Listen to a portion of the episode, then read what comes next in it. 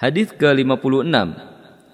Memakmurkan rumah dengan ibadah, zikir dan membaca Al-Qur'an.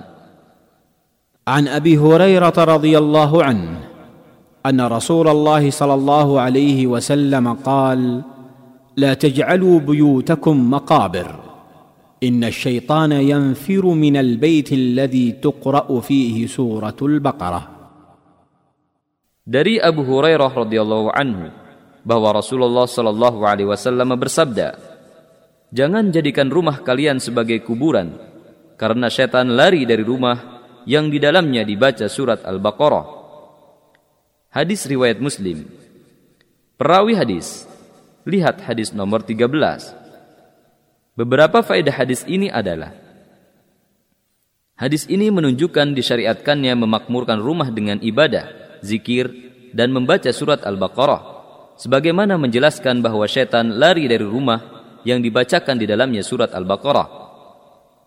Tidak pantas seorang muslim membiarkan rumahnya jauh dari ibadah kepada Allah Subhanahu wa taala, berzikir serta bersyukur kepadanya agar tidak seperti kuburan serta penghuninya seperti mayit.